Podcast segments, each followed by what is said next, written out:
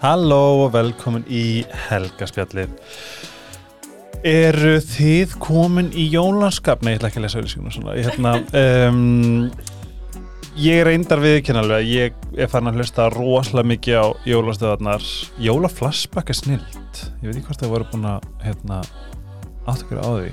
Ég mér langar að kynna inn gæsti minn og svo förum við saman í uh, það sem allir verða að hlusta á að það hjálp mér rosalega mikið að halda þessu gangandi en uh, hún er bara, hvað getur við sagt bara, hún reys upp á stjörnuhimnin á einni nóttu Ragnar Sigurdóttir Glein að spyrja, þú ert varaþingmaður samfélkingar Varþingmaður samfélgrunar, já, mm -hmm. mikið rétt. uh, Þið hafið örgulega flest séð uh, málflutningin ég get ekki svona flókinar uh, mál, er þetta ekki málflutningur? Málflutningur, já. málflutningin á alþingi þar sem að einhver loksins tók á pontu og talaði bara fyrir svo mörg okkar Hæ, Hæ, hvernig hefur það? ég hef mjög, mjög gott. Hvernig finnst þér að vera uh, a superstar? Ég er bara að fer hjá mér, sko, þessar lýsingar, ég er bara að ráðna hérna. Ég er svo, bara, þegar þú opnaði bíl ég bara, veistu hvað ég er búin að tala mikið um þig síðustu daga Æ, en svona alveg af, af bara svona frá mjög heiðarlegum og hjartnum stað þetta var meira en bara þetta var meira en bara þú veist, þú að standa, þetta var bara moment fyrir okkur, okkur svo mörg sem erum bara eitthvað getið please bara sagt eitthvað? Mm þú veist, getið sett bara búið til Facebook status? -hmm. eitthvað svona, en þá hafi bara staðan uppi og, og hérna eiginlega bara let them have it.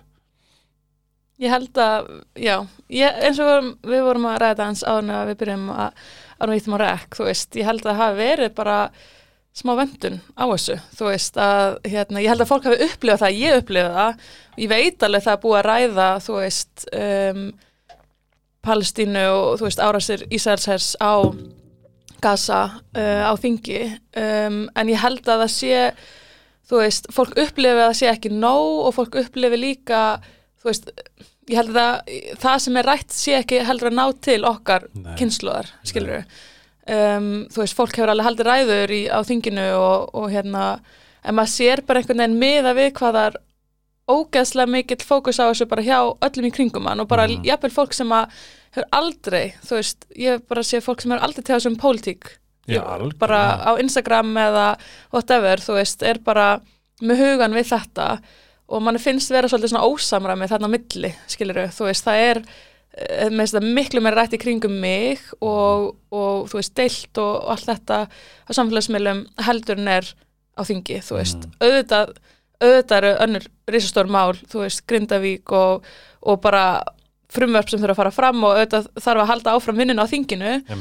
Um, En ég held að þetta sé bara að þetta veldur þetta er að valda svo miklum sko, svo miklu hugarangri og bara hjörtu landsmanna er bara mölvast Já. yfir þessu ástandi þess vegna ég held bara að þegar það eru fólk sem er að vinna fyrir okkar hag Mhm. eða á að vera að gera það, gera það visslega ekki Mhm.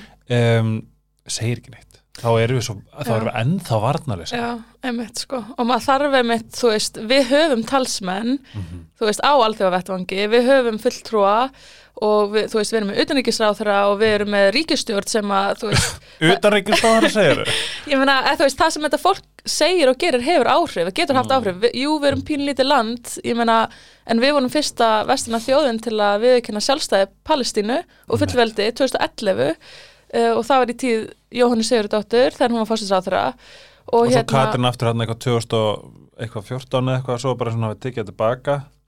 Segir ekki neitt. Ég meina, þú veist, sorry, ég er tutti flott, sko. ég meina þú veist það, það sem ég er að segja er að fólk tók eftir því skiluru og hérna og ég held að þetta hafi áhrif og það sem alþjóðasamfélagi gerir og segir jafnvel bara lítið lönd, ég meina við erum búin að ég er búin að vera að sjá bara síðustu vikur um, þú veist það er verið að deila einhverjum ræðum af uh, frá já, þú veist og, og hérna og fulltrúar þar og, og líka bara, gælla. bara saminuð þjóðnar Já. skiluru og, og hérna erum við ekki að hugsa um sömu gæluna sem er svona Evrópuráðið hún líka. talar svolítið svona Já, ég, frá veit, Írlandi og hún er fucking geggju sko ég er að hugsa um hann að gaurinn sem er, hann aftur sem er hérna svona pínur svona kringlátt and og já, og krúnrakaðir uh, Nei, satt ekki Nei. klónakar, með lítið hár Já, já, ég veit ekki en þú veist, er, þú veist, fólk er að deila þessu, mm Mhm. skilur og að því að um, ég veit ekki, þú veist, þetta skiptir máli og ég, maður sér bara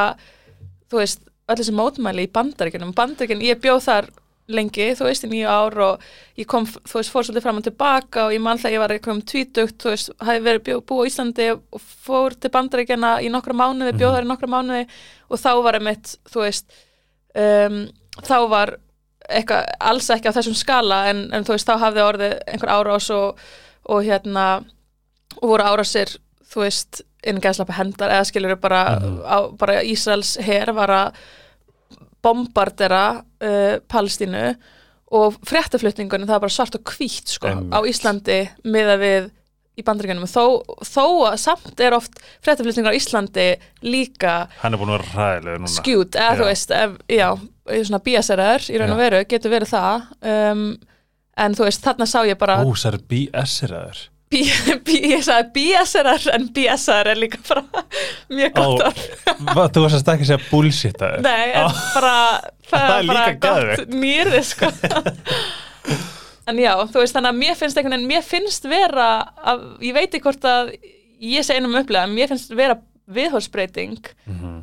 og hérna, ég nefna þessum dæmi ég á mjög góða vinkonu uh, frá bandaríkjunum sem er bandarískur gyðingur og hefur búið þú veist, bjó var alltaf að fara í sumabúðir til Ísraels og bróðuna var í hernum og, og fóruldrar hennar búið í Tel Aviv núna og hún bjóð þar. Og hérna og hún er bara aktivisti fyrir Palestínu, skilur hún var að heimsækja um, svona landtöku byggðasvæði á Vesturbakkanum bara núna fyrir nokkrum dögum, þú veist. Já, og hún bara, hún er búin að vera skipilegja þessu mótmæli sem að Jewish Voice for Peace er búin að vera skipilegja í, þú veist, Manhattan og. Washington DC og hún var handtekinn og svo var það bara allir mynda henni að vera handtekinn, þú veist, á New York Times og Al Jazeera og eitthvað. Og hérna, og hún var líka handtekinn fyrir eitthvað mótmæli í, í hérna, Mountain Valley Pipeline heitir það. Um, Ú, hérna, risa dæmi Já. sko og veist og það er alveg verið að fara í mál við fólki að þetta, þetta tafði þetta verkefni um fimm ár eða eitthvað sem var markmið þeirra sko sem er þú veist þetta fjúlar Pentagon og sko, svo Ég framvegis komið þangað, ég er alveg til að vera handtekinn Já, ég meina, en svo, svo, svo fyndi skilur, maður hugsa sér bara, ok, þú veist þetta er bara fólk sem er bara hugsunum fólk sem að er að berjast fyrir einhver réttlæti Mhm. og hérna í raun og veru að nota friðsamlega að, aðferði til þess vissulega hefur þetta einhver efnahæslega áhrif skilur á þetta fyrirtæki og eitthvað eða þetta pipeline um, en það svo fyndið að þú veist hún sé handtekinn eða þau, og hver, eins, einhver einstakling sé handtekinn Mhm. sem er svo pínu lítið mal, vald með við þetta risa dæmi skilur bara risa project og hérna og bara stjórnvöld, þú veist bandri stjórnvöld eru bara að hérna bara veita vopn og þú veist bara, bara góð. mikinn stuðning Mhm. skiluru við, ég meina og það ég meina það er bara fullt af alþjóðlega mannréttinda samtökum búið að segja bara að þetta eru Já. skiluru og hérna og það hefur engar aflengar skiluru að menna vera að handtaka eitthvað fólk sem er að mótmæla sig skiluru, þetta er svo öfisnúið bara nú er ég búin að fara á mótmæli og það er eitthvað grillað við að horfa á sjö lögreglu þjóna fyrir utan ráðarabústæðin og þú veist, þannig eru, eru fólk bara að þú veist, mótmæla, það er engin, Mhm. það er engin læti. Nei, en það eru sjö lögreglu þjónar á móti okkur. Já, einmitt. bara það konsept var úkslega grillað. Já, einmitt. bara svona, hvað er það, hvað er það að vernda þau frá, þú veist, Mhm, við erum bara að ná til ykkar. Veist, það, var, það var engin læti, ég var eitt sem sagði fokki og mjög bara mjög valid Já, ef að með puttan á lofti skilja já, þess að þetta er svona og það sem ég líka er búin að vera að hugsa mér finnst, mér finnst allt vera svo einfalt. Kannski, kannski ætti ég bara að fara í pólitíka því mér finnst allt mjög svona no-brainer. Ef að Ísland hefði bara tekið þau hérna, þau, þau úrræði mhm, til þess að við getum sofið rótt sem Mhm. er að kvötta á samskipta hérna Travels and Travels mhm. þú kantar alveg öllu svo orð, betur en ég. Já, slíta stjórnmannsamandi, það er náttúrulega ákveðin uh, Já, það er ákveðin kostur, sko. Já, bara svona við bara gerum okkar mm og þá getum við anda léttar, skilur Og það er svona spurði ég, þú veist, ég laði fram sér sagt fyrirspurn og ég vísa til þess í ræðunum minni sem var sett jómfrúræðin mín sem því bara fyrsta ræðan sem ég held á alþingi. Og hérna sett ég laði fram fyrirspurn til utanækisráð þeirra sem fól í sér ég meina hvað, þú veist, hvað hefur hann gert hvernig hefur hann beitt Mhm. áhrifaldinu sínu Mhm. og það er alltaf ákveðin, veist, þetta er ákveðin debatt með að slíta stjórnmálasambandi sem hefur, finnst mér ekki verið tekið og mér finnst það þurfa að taka það að því sumir segja, skilur ok, ef þú slítir stjórnmálasambandi við Ísrael þá, um, þá er erfið að koma mannur aðstóð á svæðið, af því þetta er náttúrulega, þetta er bara hernumi svæði Mhm. uh, sem Ísraels Ísrael er bara með stjórn á, ég meina þau eru búin að skera á vatn og ramagn og, og mat sem að fólk þarf til þess að lifa af, skilur og fólk er fara að deyja bara úr hungri og, og, og hérna næringaskorti um, þannig að þú veist það er svona ákveðin rauk gegn því en, en þá vill maður samt skilur þess er alltaf velt upp um, og maður slíta stjórnmársambandi að þá vill maður vita ok, er, er það þess virða að halda í stjórnmársambandi hafið þið eitthvað látið reyna á það skilur, ég ha- hvað hefur þeirra sagt við til dæmis sendaði herra Ísraels Mhm. um, hér á landi? Eða þú veist, hefur hann eitthvað haft einhver samskipti við Ísrael til þess að reyna að miðla okkar bara afstöðu alþingi sem var samþygt samhljóða uh, um tális vopnallið og um að stöðu allar aðgerið sem brjóta gegn alþjóðlegu mannúðlögum, það álituninni og hvað hefur gert til að fylgjast eftir þannig að þú veist, það er. Nei, ég er ekki búin að fá svör. Oft tekur þetta langan tíma, sko. Þú veist, stundum uh, svona svöru fyrirspundum geta alveg tekið einhverja mánuði, sko.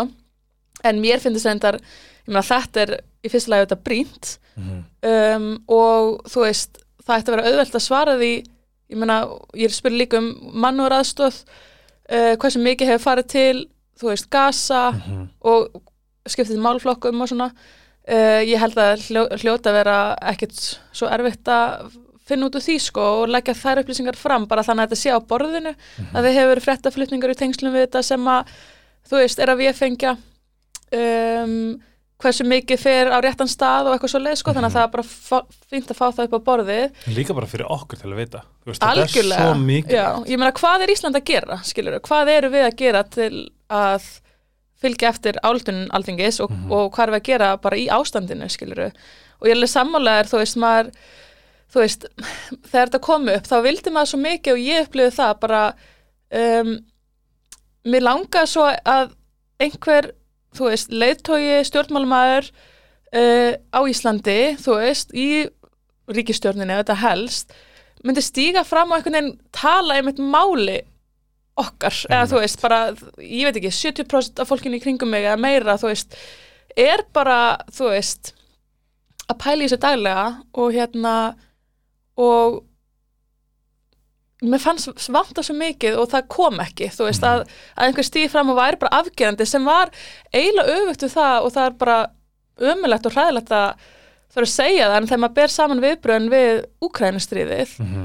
auðvitað var það, þú veist fólk getur sagt, já, það var um, alltaf aðstæður þú veist, þarna er verið að ráðast inn í land en ég meina þarna er verið að ráðast inn í um, hernum í svæði, skilur Mhm. sem, og þetta hernám er um, ólulegt eða skilur við segja alþjóðleir mann þetta lagfræðingar Mhm. um, og það er verið að ráðast að saklísu fólki, skilur um, og þú veist, en þar var bara strax viðbröð, mm skilur og hérna, að einhvern veginn allt, allt öðruvísi viðbröð núna af hálfu ríkjandi stjórnvalda, skilur eiginlega bara grillað og, og einhvern veginn bara þegar að hlusta þau segja þetta, veist, ég er búin að, veist, maður er bara múin að vera í endalegsum samræðum með fólk og þú veist, það eru margir sem eru bara veikir, veist, ma ma Mhm. Já. þú veist, að vakna mótnana hefur aldrei verið eins niðurdrefandi, mm Mhm. að því að maður hugsar fyrsti þeirra, mm -hmm, bara á menn ég svaf, mm -hmm, hvað dóu mörg börn, bara, emitt, Þú veist, í rugguhúsnaði og, og skjóli, sko bara svona liggur við að maður fái bara svona forrit, eða ekkert liggur við, maður er bara með algjört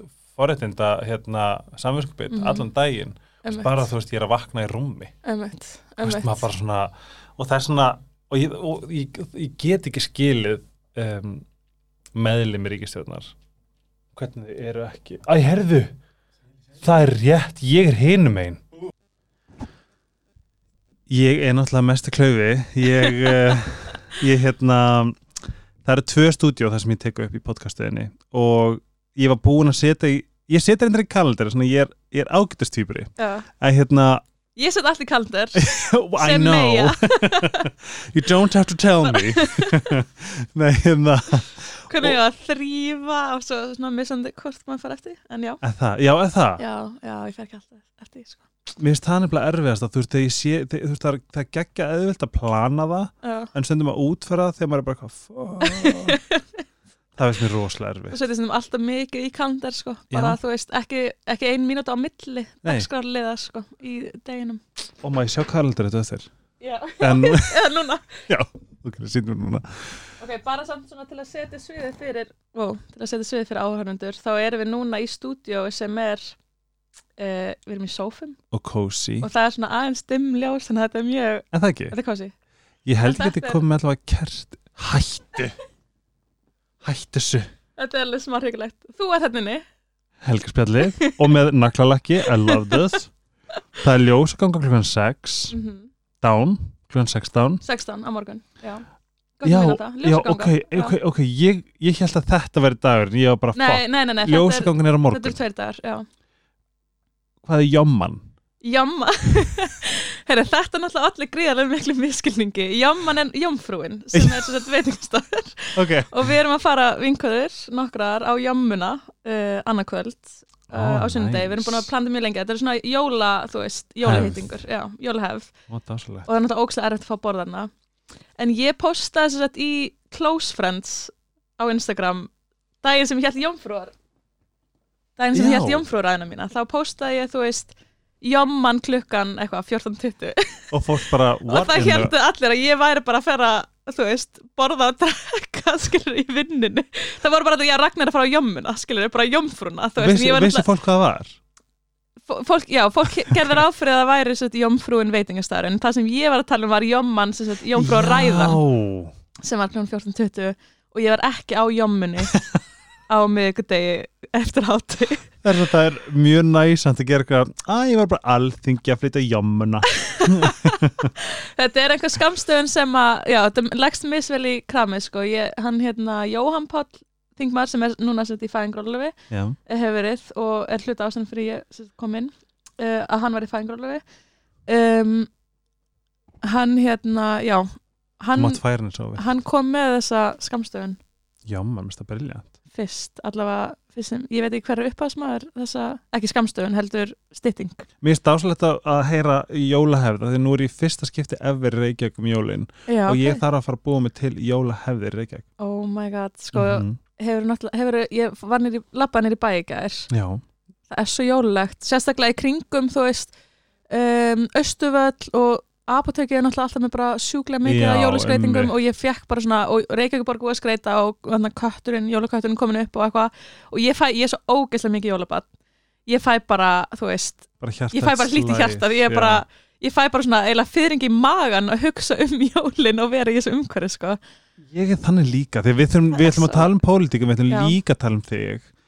Og uh, að, til að vita who is the lady, lady who is the bitch behind the yomma bitch veist. fyrir mig jamma, Já. Það er gott. Um, áður en að fyrir þanga það jólagjafa öskjurnar frá Sítokjær eru komnar og ef þið reiknu út uh, hvað er raunverulega mikið gildi í þessum öskjum þá gerir það akút, það er ógeðslega þægilegt að bara svona, að það eru alls konar verð, hérna, eru alls konar verði líka.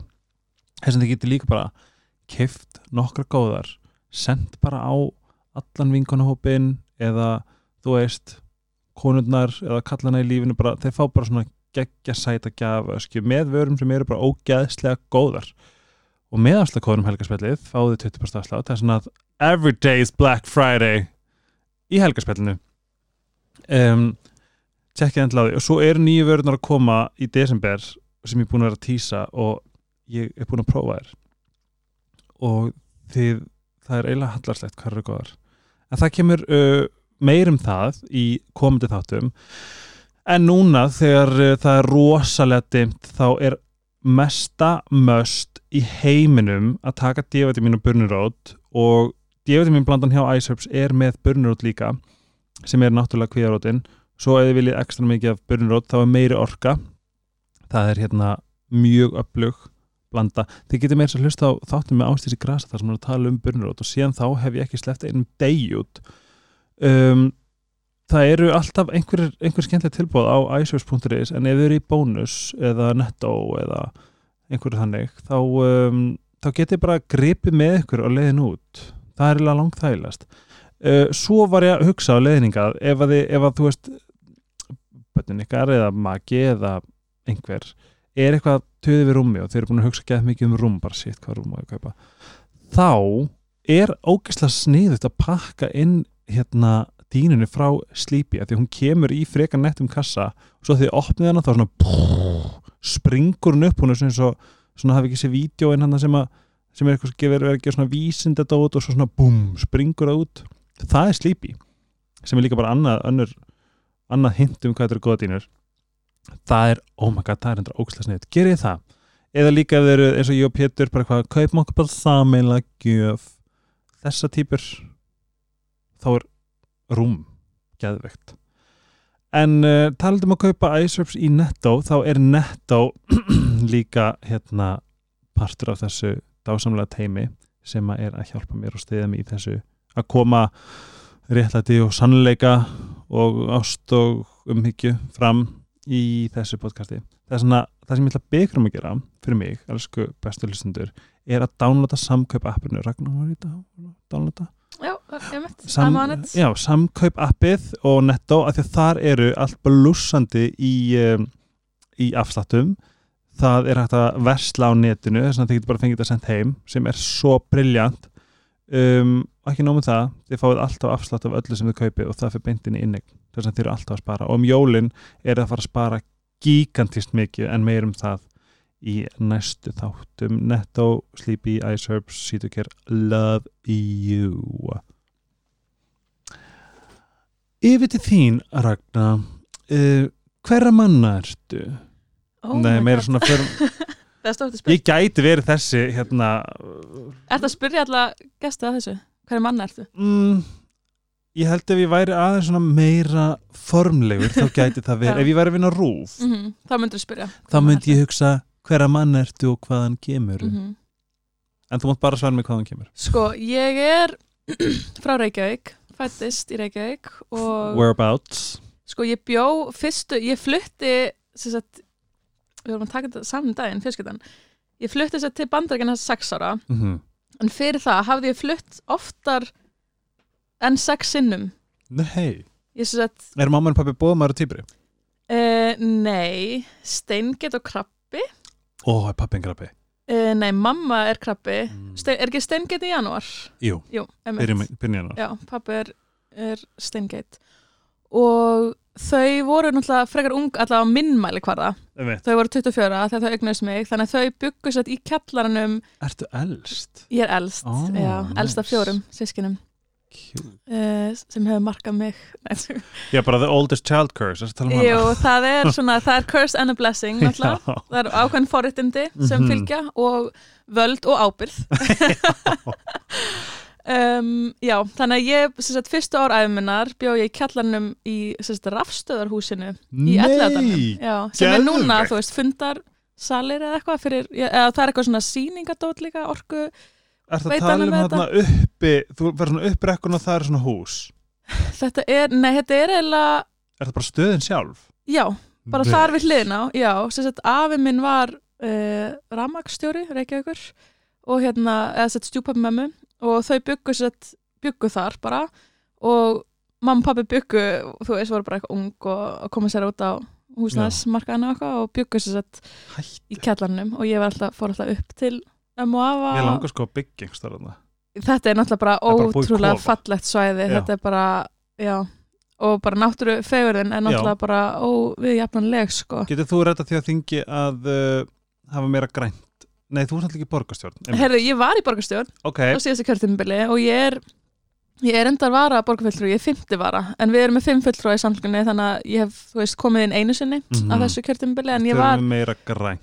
grein, já, ég hérna ég er alveg saman því. Og, og við höfum verið að, þú veist, vinna svolítið eftir því í hérna meðlutunum og í samfélgunni um, þannig að þú veist, það er náttúrulega markmið sko auðvitað og að þú veist, við halda mm, grænum svæðum og þú veist, klambratúnið og, og miklatúnið og allt þetta.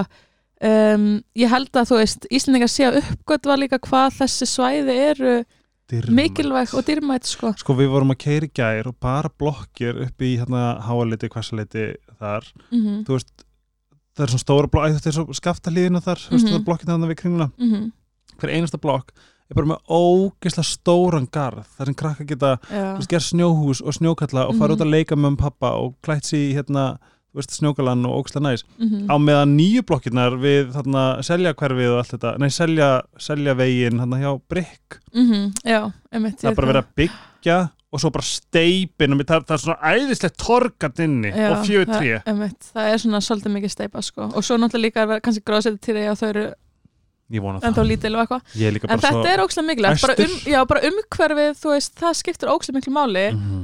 að hérna, þú veist, umhverfið sé hanna þú veist, það er bara það hefur verið sínt fram á það, eða skilur það Mhm. er bara um, gott umhverfið getur maður, hjálp mann að líða vel Mm. líða betur, þú veist, þannig að það er bara G-vitamin já, já, algjörlega. En hald áfram, ég er mjög forðin af því ég er svo forðin með USA Já, einmitt, sko, já, eins og ég segi, ég flutti svo ókslega oft, þú veist, mamma og pappi voru einhverjum leiðuhúsnaðum í Hafnafyrði, Kópói og whatever, um, ánum fluttum út til Bandarækjana og svo sem sagt, uh, þegar ég er sex ára, þá flytti við út til Madison, Wisconsin, Marathon Madison, og hérna, ég bjóð þær nýju ár. Nei, Ég er alveg bara svona, æsku, fólk er svona, hva, úr hvað hverf ertu, hvað ertu, og ég tengi það mest við æsku mína, grunnskóla og grunnskóla og hérna, þú veist, gagfræðskóla, middle school kallast það, uh, þú veist, grunnskóli þar er náttúrulega frá kindergarten sem er 5 ára bekkur upp í 5. bekk og svo fer maður í middle school sem er Ó. 7. til 8. bekkur sem er svona úlingastig og svo fer maður í high school sem er frá 9. bekk upp í 18 ára þú ekki, er ekki pínu grillað sko, A þurftu, var, þurftur að hafa ágjör af school shooting. B var, var þetta ekki svolítið svona ameríst Þetta var, jú, þetta var amerísk sko, school shootings, það var einhvern veginn ekki þú veist, það var ekki veruleg ógn þegar ég var að noti. Mhm. og hérna, veist það, það hafa verið náttúrulega nokkur, veist, það gerist alveg þegar ég bjó úti að það voru school shootings í bandreikunum, en það var ekki, veist, við þurftum ekki að gangi gegnum eitthvað hlið, skilur við segjum svo í sumum skólum, bara að og þú veist, sumstaðar er bara verið að tjekka fólk með skotötn á sér.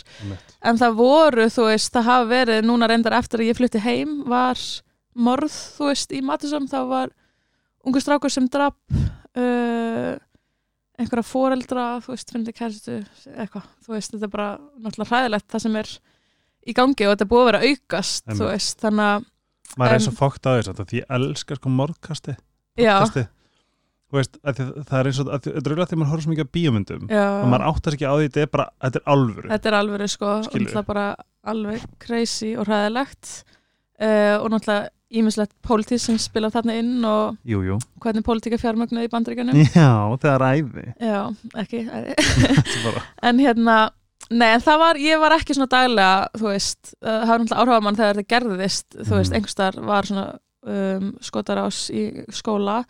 Um, en þú veist þú veist, leiði ykkur örug mér leiðum sem ég væri örug sko, alveg klálega og ég var í uh, þú veist, ég var í ofnbjörnum skóla. Það er náttúrulega rosa mikið af engaskólum versus ofnbjörnum skólum.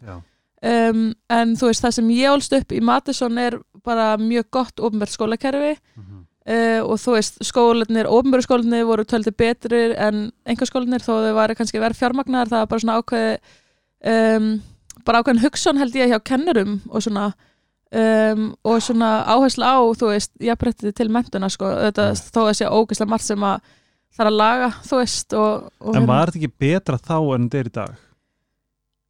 Ég, á Eða erfitt, ég veit það ekki alveg. Ég á erfitt með að meta það sko, en það, það er bara samt, þú veist í bandaríkjunum er, þú veist, ég var í ég var innflytandi en ég var í forhundastöðu skilur, fólður Mhm. mín er mentaðir um, og þú veist, hvít, mentað evróst fólk skilur Mhm.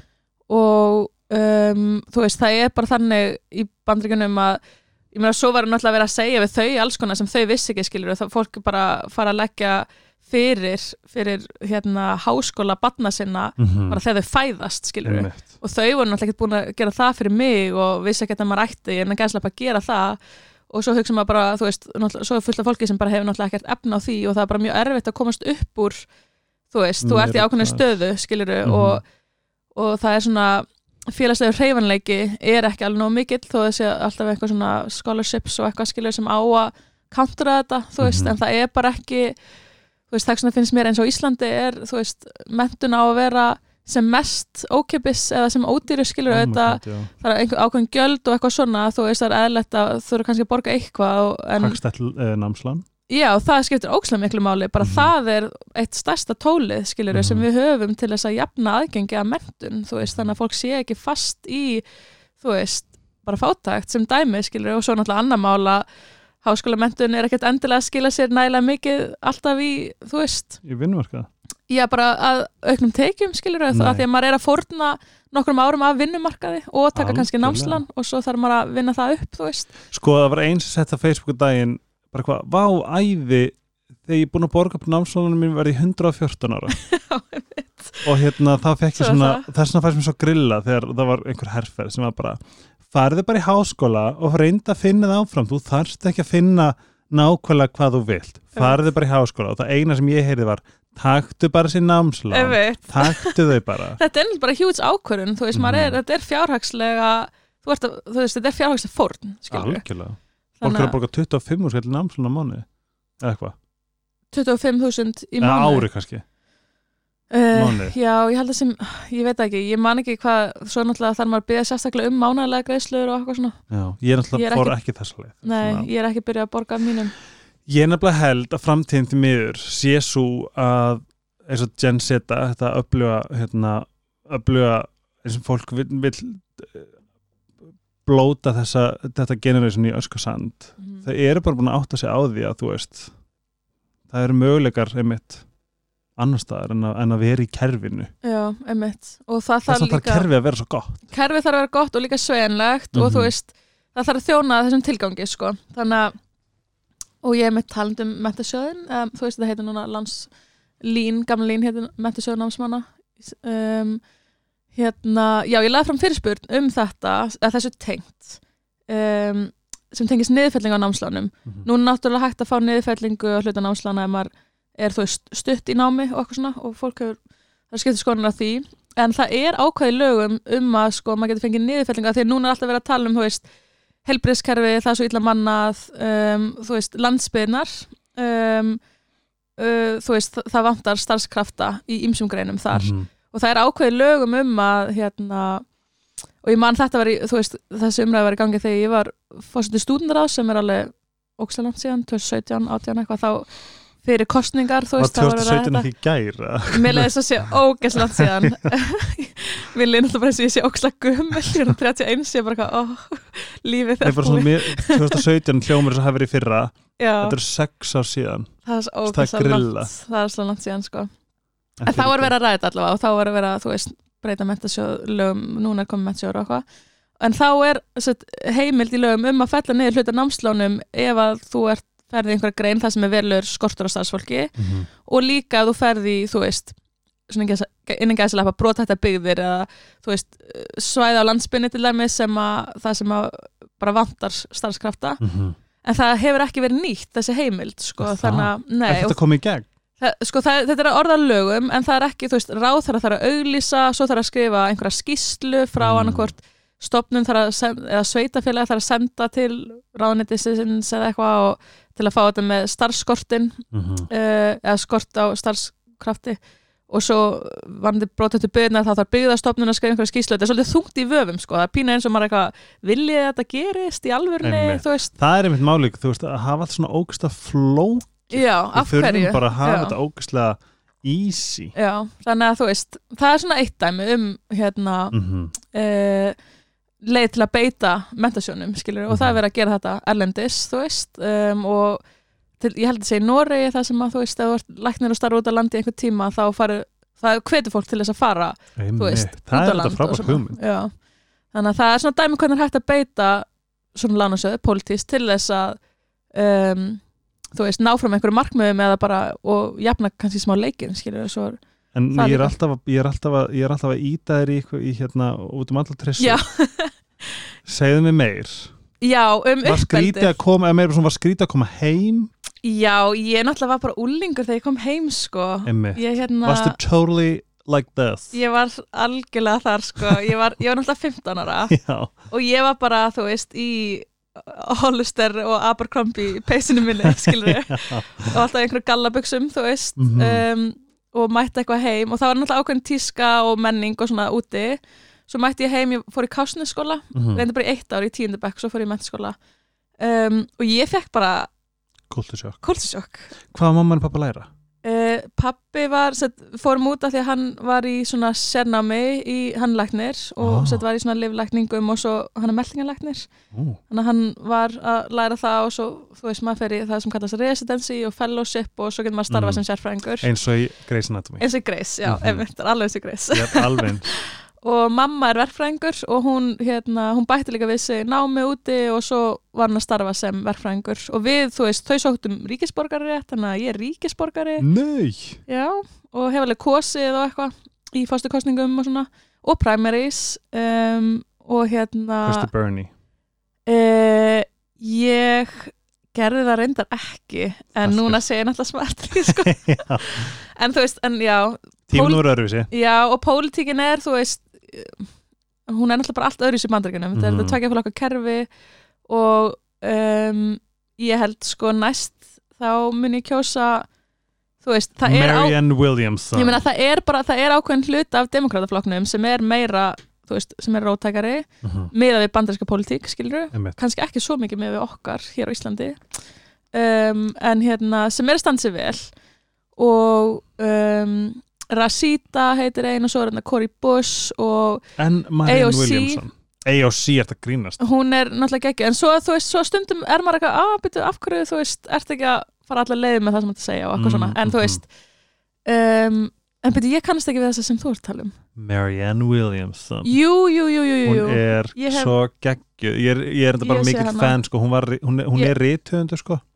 Ég, hef, ég er ekki að follow hana er það Mary Ann Mary, Williamson. Uh, Æ, það er hún, náttúrulega hún, hún er geggjuð á TikTok. Ok, Ég skal ég senda þarf hana. að senda mér, ég er náttúrulega er ekkert á TikTok Já.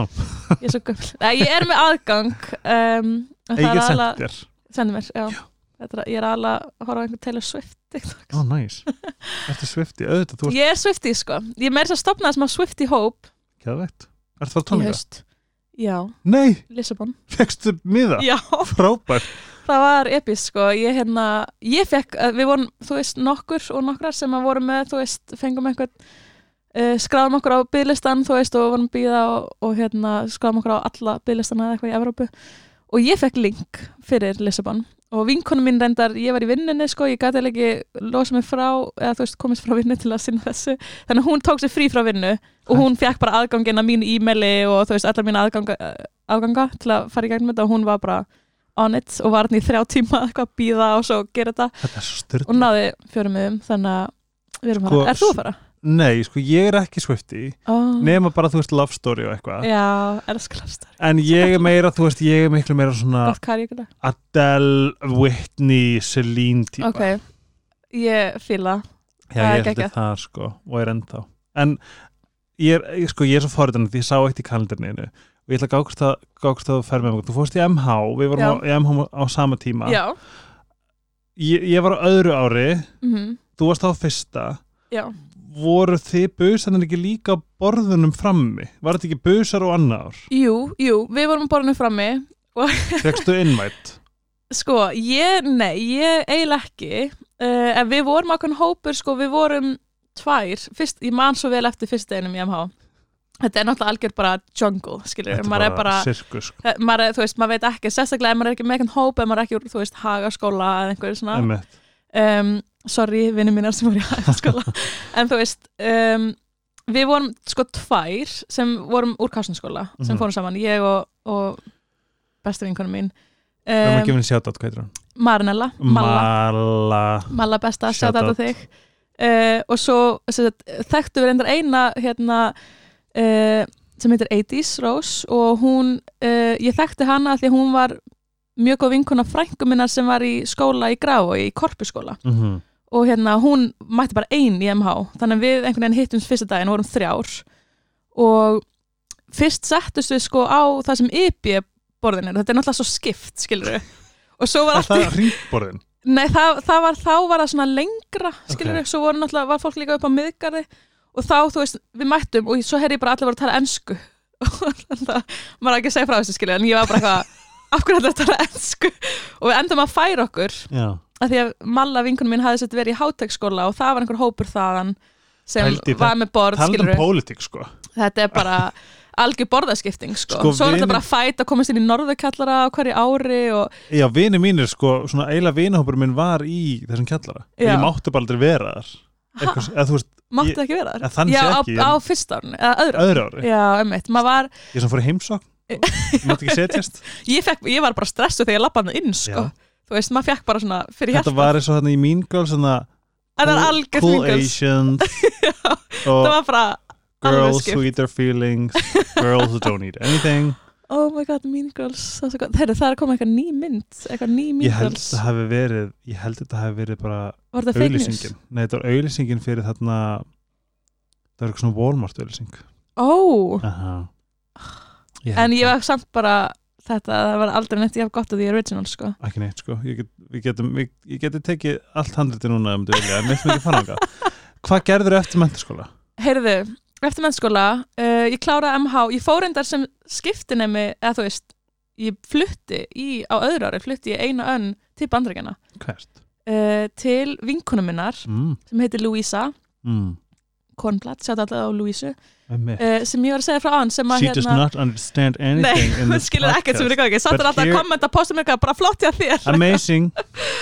Um, hún sem sagt uh, er svona ein af mínu bestu vinkunum úti, þú veist, ég held sam, sambandi við, mjög mikið við hana núna í tengslu við, er það hún sem varst að tala um? Já, hún er sem sagt, hún hefur mikið tengslu við Ísrael og er sem sagt bandarísku geðingur, fjölskyldanar bjó lengi í Ísrael með flutti bandaríkan aftur og hérna uh, við vorum mjög góð vinkunur í mennskóla og hún er náttúrulega bara ókslega klár, flott geggjugjarla um, og við sem sagt, uh, ég bjó heim með fjölskyldunar og hérna og það var svolítið skemmtilegt sko því að þau voru, þú veist, þau eru ekkert eitthvað strángtrúið en þau, þú veist, halda alveg í trúna hvar var þetta? í Madison á sama stað Já, sko, já, þannig að já. þú veist, fjölskyldum minn flytti heim ég vildi fara aftur út. Ég bara, já, ég náttúrulega el- elskaði að búa þarna úti sko og mér langa ekki að flytja heim þegar ég flytti heim. Uh, fyrir okkur sem að hvar er Madison? Madison, þetta er í miðvesturnu í Wisconsin, hefur ekki séð þetta 70 show? No. Hefur ekki séð þetta 70 show? Það er svona fyrst, það er svona stef í introlæginu Hold on Wisconsin. Það er eitthvað, Ah, en hva, það gerst í er það Wisconsin. nálagt einhverju?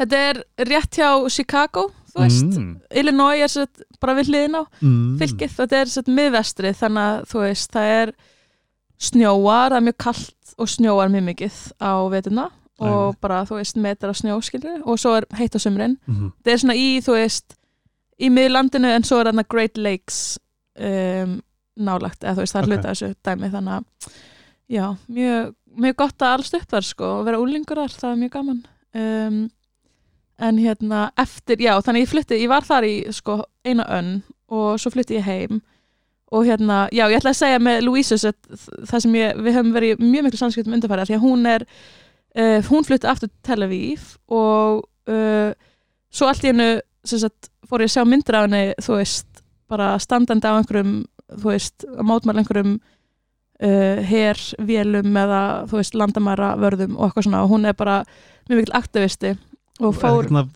Jewish Voices for Peace. Já, og hún var að skipulegja með þeim mótmælin, þú veist, í, hún er í þú veist, þeim samtökum, var að skipulegja mótmælin í Washington DC, var handtekinn uh, fyrir það það og geðveikt. það eru bara myndir, þú veist, af henni út um allt á New York Times og Al Jazeera og eitthvað að vera handtekinn, skiluru og Ég verð hérna, alveg til að vera handtekinn þú veist, þetta. mér finnst það bara nett, skiluru Mhm. og hérna, vorum við búin að, við vorum ekki við Ég held að, ég held- sko, annarkvort var off-air já, það var heldur offer sem við vorum að tala um þetta, eða, en veistu, þú hlýtur að vera pínu týpuri Ertu rísandi eitthvað?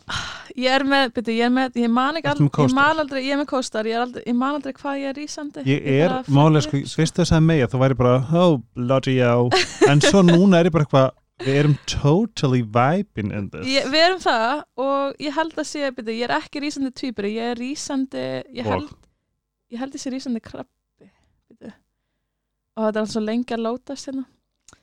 Uh, það er að því ég er ekki með samband ah, held ég.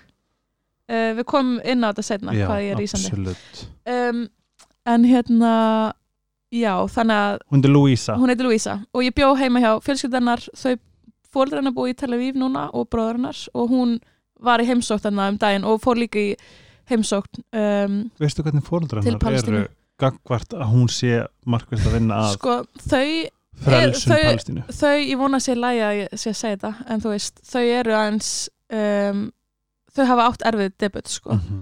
af því að þú veist þetta er en náttúrulega, líka eðlega að því að það er náttúrulega líka bara, þetta er náttúrulega bara veist, það, sem, það sem þetta lítur fyrir að vera. Ég verð að trúa því já, að það eru Ísælst fólk sem að er með samkend og algjörlega og á móti sig því, þú veist, Mhm. þegar maður sá þetta Jewish Voices for Peace, maður fekk Mhm. bara svona vá, oh, hvað er gott í hjarta mm eins og hún er alveg þú veist, langt held ég til vinstri og, og þú veist, langt frá kannski meilhuta samfélagsins Mhm. í þessu sko um, pældi í hugrekkinu þetta, er- það er nefnilega, mér finnst það líka svo mikið hugur ekki að geta staðið bara upp á móti fjölskylduðinni þjóðinni og já, basically sko.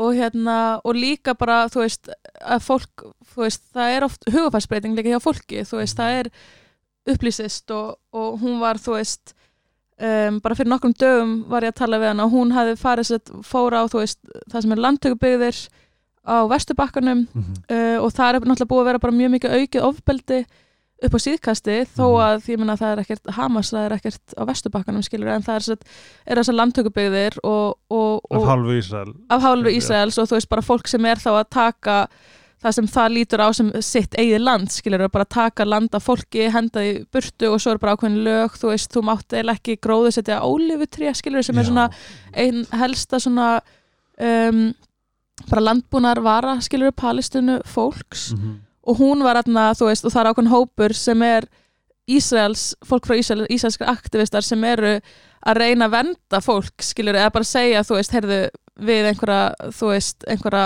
það eru bara mjög ofbildisfullir landtökum menn, skilur, Nei. sem að eru að, þú veist, harassa, áreita og, og jafnvel drepa um, fólk sem er bara býr einhver staðar eða er að gróðsetja tré, skilur, Já. þannig að þau voru að hjálpa um, einhverjum manni og fjölskyldu að, að gróðsetja ólífutré, þú veist, og, og hérna uh, þú veist, voru hérna í nokkra daga og, og hérna hún sendi mér myndir og eitthvað, þú veist, þetta er mjög fallegt, sko, að það er, þú veist, það er fullt af fólki sem að er bara ósamala sinni ríkistjórn, Mhm. náttúrulega, og vill bara vera eitthvað á frið.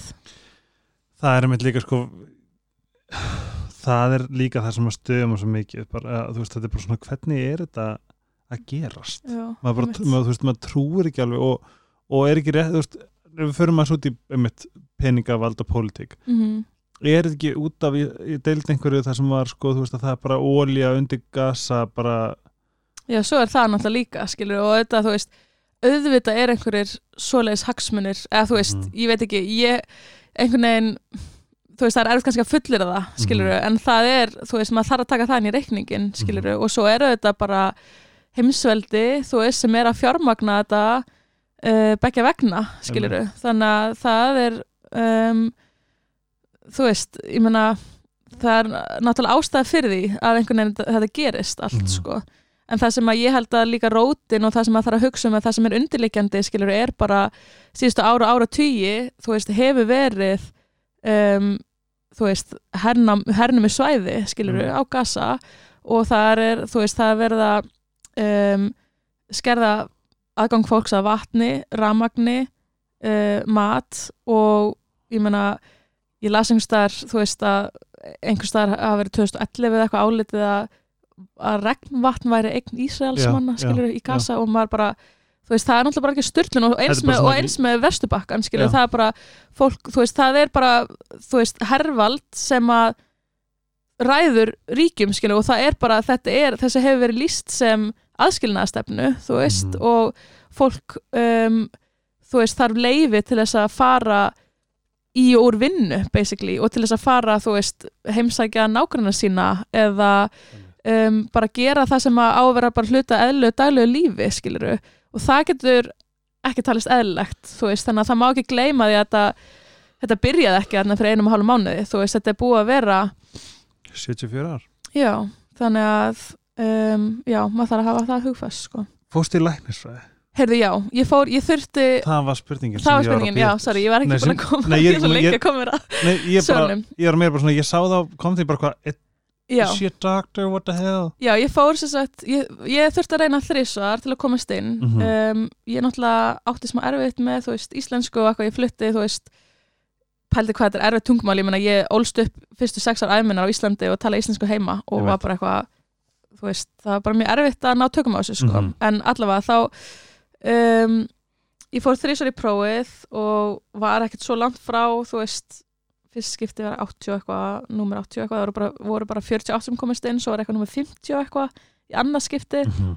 og svo í þriða skipti var ég eitthvað númer 8 eða eitthvað, þannig að þá loksins ég bara, yes, third time's the charm. Nákvæmlega. Mhm. um, þannig að í millitíðinni sko einmitt fór ég út aftur til bandaríkina í nokkra mánuði og var bara að læra þú veist uh, en ég tók prófið í annarsinn og svo sagt, eftir að ég komst ekki inn í annarsinn þá fór ég í háskólan í Sálfræði og var þar í eina önn og egnaðist mjög góða vinni þar sem ég var einmitt að hitta nokkur þeirra í gær Mhm. um, side note um, en já, svo fór ég í lækninsvæði og, hérna, og þá byrjaði líka í stúdnapólitík og eiginlega áðun að ég var eitthvað, var byrjað sálfræði einu önn haustunna, svo var ég eitthvað að að læra fyrir þetta inntökupróf á vorun og var bara alltaf eitthvað að lestóni á háskólatorgi og litist okkur mikið og svo voru vinkunum minni í þessu og ég mætti eitthvað partí og bara dróst inn í, þú veist, rösku og stúdnapólitík og var í því bara í frekar mörg ár sko og svo voru, við vorum alltaf að tapa þú veist, svo unnu við 2017 og þá var ég fórsetið stúdnarás og þannig byrjaði svona eiginlega í pólitík sko ég hafði ekkert verið, þú veist, ég er ekki alveg upp í einhverju flokkspolítísku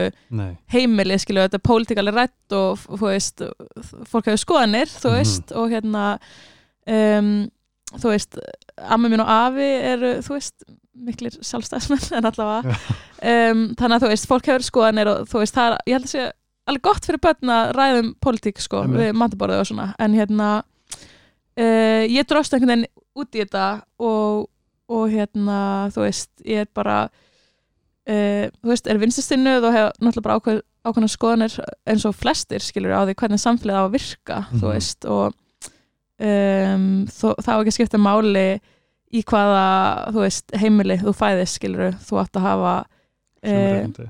já, já, sem réttindi og ég tækifæri skilur Mhm. þannig að, En klárar, kláraru læknis? já, ég útskrifaðist Þú fyrir ert læknir? ég er læknir, já, ég útskrifaðist fyrir einu shit. ári. Ég var að byrja sérnámi, fyrsta november já, Holy shit, ég ég vissi ekki að það væri læknir.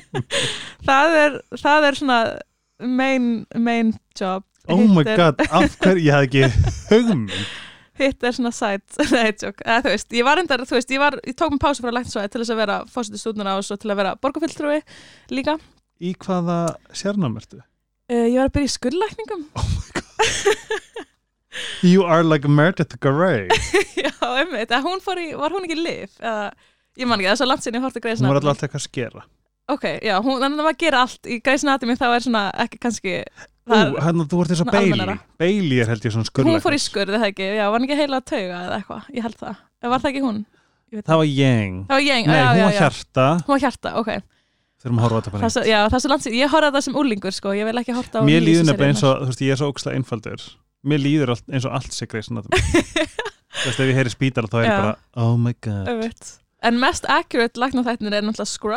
Oh en held ég, en þá örgulega já, svona læknisvæðilega sko, ég held að Grace er pínu svona inaccurate læknisvæðilega Ok, þú ert læknir.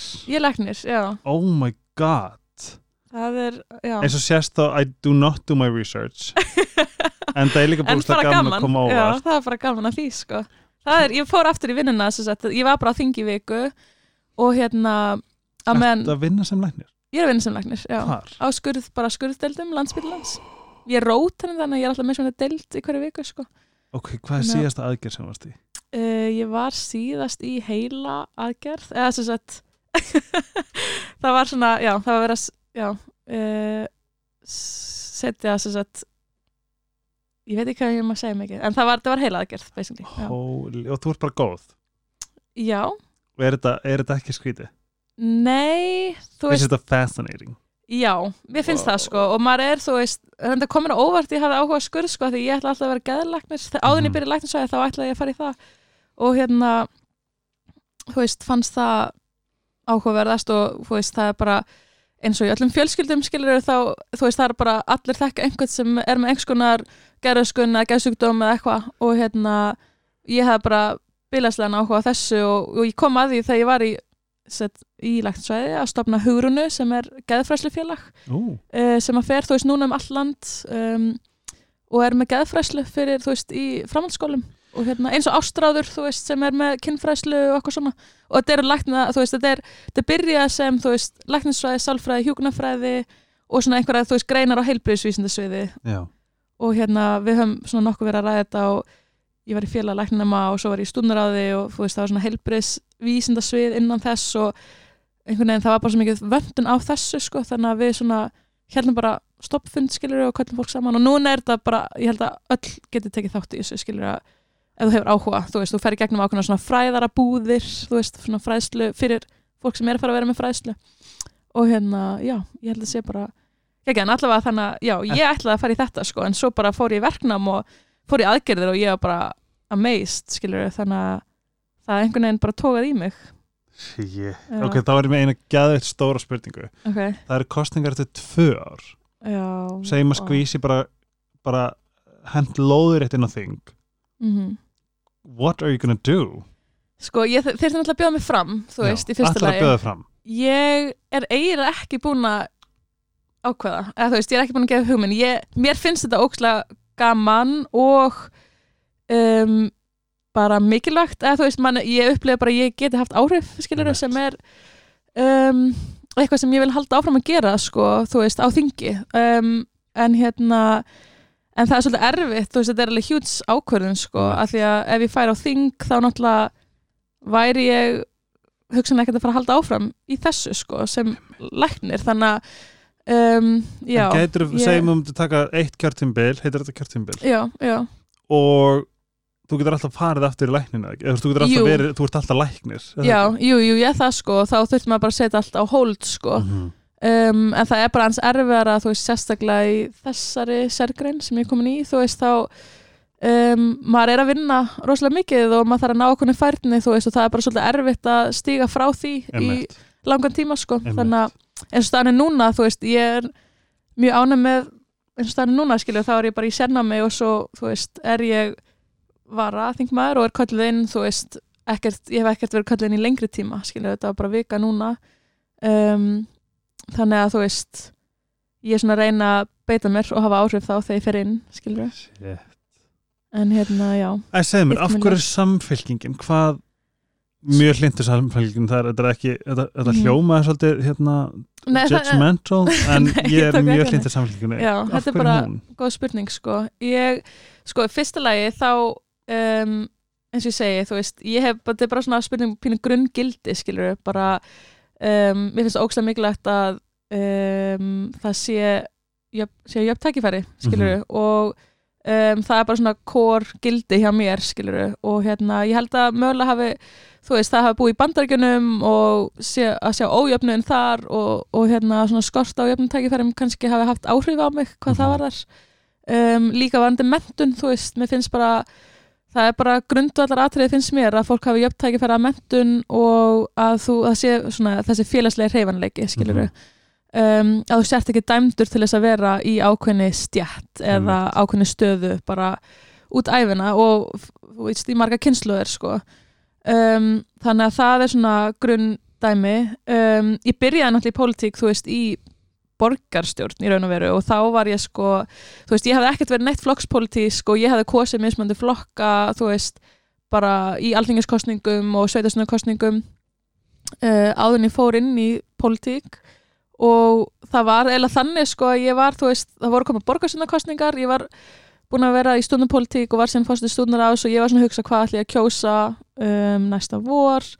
Og þú veist í borgarskiplasmálum finnst mér bara skipta ógst miklu máli að Reykjavík sé þú veist skemmtileg um, að þú getur uh, þú veist að sé menning og um, og almenningssamgöngur sem eru öflugar og þú veist, einmitt þetta með grænsvæði og bara að þetta sé svona uh, þú veist að það sé svona, þetta sé svona framústefnu borg, þú veist, Mhm. og, og að því að borgir er samkeppni við aðra borgir í Evrópu og svo framvegist, þú veist, ég fíla skiluru, ég fekk náttúrulega hluta af koltsúrsökkinu mínu, þú veist, ég hafði alltaf verið að ferða sinna bandaríkjana, skilur, en svo komið til Íslands þá var ég alltaf fór til Spánar í fyrsta skipti veist, og fór til London og fór til Stockholms og hérna Já, Köpen það er rétt, þú varst alltaf bara pín lítil þegar fluttir. Ég var bara pín lítil sko, þannig ég hafði ekkert komið til Evrópu, skilur, fyrir þann Ísland. Um, þannig að þú veist mér finnst skipta máli að Reykjavík sé þú veist, ég er Mhm. svona Evrópusinnuð í þessu samhengi og öðru. Um, þannig að ég er svona pínu, ég er bara svona, já, ég er búin að ákveða að kjósa samfélguna uh, í borginni og hérna svo reyndar enda þannig að þú veist ég var í miklu samskiptum við dag sem var borgarstjóri og hérna uh, var hann uppbyggu húsnæðis þú veist og það líka, þar kemur inn þú veist, bara vinstri mennskan og hérna jafna mennskan að þú veist um, ég bara mér finnst skipta ókslega miklu mála að sé húsnæði fyrir alla tekihópa og Mhm. þú veist bæði fyrir þú veist eins og núna er bara námsmann íbúður, við vorum, við vorum náttúrulega mjög mikið að beita okkur fyrir því í stúnaraði um, svona sem eru í starra samhengi er það náttúrulega bara íbúðir sem eru byggðar um, þú veist uh, í tengslum við svona um, non-profit félög skilja eins og félagstofnum stúdenda er og svo framvegis og núna er verið að byggja meira af því að, og það er bara stefna samfélgrinnar um, og hérna og félagslegar íbúðir þú veist þetta, við veist húsnæðismarkaðin skipt svo ógeðslega miklu máli að þessu leiti þú veist Mhm. að, að hérna þú getur ekki bara látið markaðin sjá um þetta þú veist húsnæði er bara mér finnst þetta að vera bara mannettindi þú átt að hafa Mhm. ört húsaskjól og hérna heið ofinbera á bara að stíga inn í þú veist og tryggja fólki það skilur og það er ekki bara gert með markaðnum skilur þú þarft að hafa heilbreyjan leiðumarkað og hérna og byggja íbúið það sem að fólk á efni á þeim sko. Mhm. um, þannig að það var svona mm, basically ástæðan fyrir að ég valdi samfélagina þá. Og svo er ég bara sammála stefninu, skilur ég er, þú veist, ég er Evropasinnuð, ég er vinstisinnuð um, eða þú veist, miðju vinsti, ég veit ekki hvernig maður skilgreina það. Um, og hérna, þú veist, bara kjarnamál samfélagin eru kjarnamál mín, þannig að það er svona Er ekki samfélgin komin aðeins meira í vinstri núna til dæmis þegar vinstri grænir eru bara búin að minka svona mikið? Það mætti náttúrulega segja að það var ákveðið tóm sem þau skilja eftir með þessu ríkisöndarsamstarfi við sjálfstæðisflokkin og náttúrulega við framsókn en framsókn er meira svona miðjuflokkurs um, þannig að þú veist, það mætti segja það en, en hérna Mér finnst Fransson verið svona flottkúka þínar Já, sko, já, það er náttúrulega miðjuflokkur þannig að þá, þú veist, þá óhjákvæmilega einhvern veginn færist maður meira þú veist, ah, til einmitt, vinstri. Já, bara útfræði með hvernig maður starfar sko. Um, framsókn er náttúrulega í samstarfi við samlinguna meðal annars í borgarstjórn núna uh, og við reist, þú veist, þannig að og pírita, uh, þannig að þú veist en ég held að skipt svolítið máli bara einmitt svo var það að mér líka átt að því stjórnmál eru samningavirðar þú veist, þetta er Mhm. alltaf og hérna, Finnst þér um ekki það. böggandi hvað er margi kokkarinn í eldursinu? ég held að það, það er hægt að ná uh, góður niðurstöðu, Aha. skilur með, þú veist, ég meina, bara eins í borginni það eru margir flokkar í raun og veru þú veist, bara frekar margir miða við Mm -hmm. þú veist, fjóri-fimm flokkar, skilur í meirhluta, Mm -hmm. en ef þið hafið sömu, þú veist, sömu sín á hvert á að stefna og hvað þarf að gera mm Mhm. skilur um, bara eins og þú veist, þegar ég var í borgarstöð þá var bara fókusin var mjög mikið á þú veist, borgarlínu byggja upp borg sem er, þú veist, þjætt umhverfisvæn, græn um, og hérna Ekki of þjætt samt að nokkuð Nei, ég meina þú veist, ég, það, það hefur auðvitað verið gagnum, það er erfitt, ég meina þ- þétting er erfið, þú ert að byggja innan um annað fólk, skiliru, Mhm. og hérna og það er rask og svoleiðis en, en það sem að, þú veist, það sem tala náttúrulega með þéttingu er að þú ert að náttúrulega í fyrstilega búa til fossundur fyrir öflugur almenningssamgöngur, þú getur ekki haft dreifða byggð, þar Reykjavík er ógeðslega dreifð, ógislega bara síðustu ára tugi hefur verið bara bara expanderað, bara bilaslega Mhm. skiluru, og það er svona verið að reyna að vinda standi ofan að því síðustu kjörtímabil þú veist, um, eftir að þú veist, já svona, hvað maður að segja, erlistinn og flokkanir í kjölfarið tóku við sko, en hérna uh, já, þannig að það er þú veist, þetta er ákveðin áskorun um, Mhm. að gera þetta og, og, og gera þetta vel en ég held að þú veist, við sem alltaf fara að græða á því, ég meina, þú veist, það er hagkamara um, þú veist, þú þarft, ef þú ert að dreifa byggja þá ert það bara, þú ert að leggja lagnir, byggja skóla byggja upp, þú veist, alls konar innviði sem er ekki til staðar, sko, Mhm. þannig að það er ekki bara kostnæðan við að byggja eina íbúð sem telur, þú veist, Mhm. það er kostnæðan við alla innviðina og það var einhver sem skrifaði grein um daginn, mjög góð grein um þetta sem að var að bera saman kostnæðan við held ég Úlfarsárdal og hérna Valsreitin mm -hmm. uh, og það var eitthvað ég man ekki hvort það var þrefalt eða fimmfalt dýrara per íbúð í Úlfarsadal bara út af því að, út af innviðunum við tökum þá með sko, Mhm. þannig að hérna per íbúð sko, það var En það sem eitthvað ég fyrir svo grilla á, þetta getur ég bakað mig, eh, ég reyna baka ekki að en ég gæti gert það rosalega mikið að til dæmis horfa á þessa nýjubur ég skoða sko fastegna síðan okkur um einastegi Mhm, mér finnst það mjög skemmtilegt og áhugavert. Og eins og snorrabrautinni það sem verður að byggja þar mhm, þú veist, þetta er eitthvað svona, þú veist, þarna er fermetrin komin á miljón, þetta er rúmlega. Mhm. og, það Og- fylgir háttfermendraverð já, sko, Mhm. svona eins og ég horfa á Ísland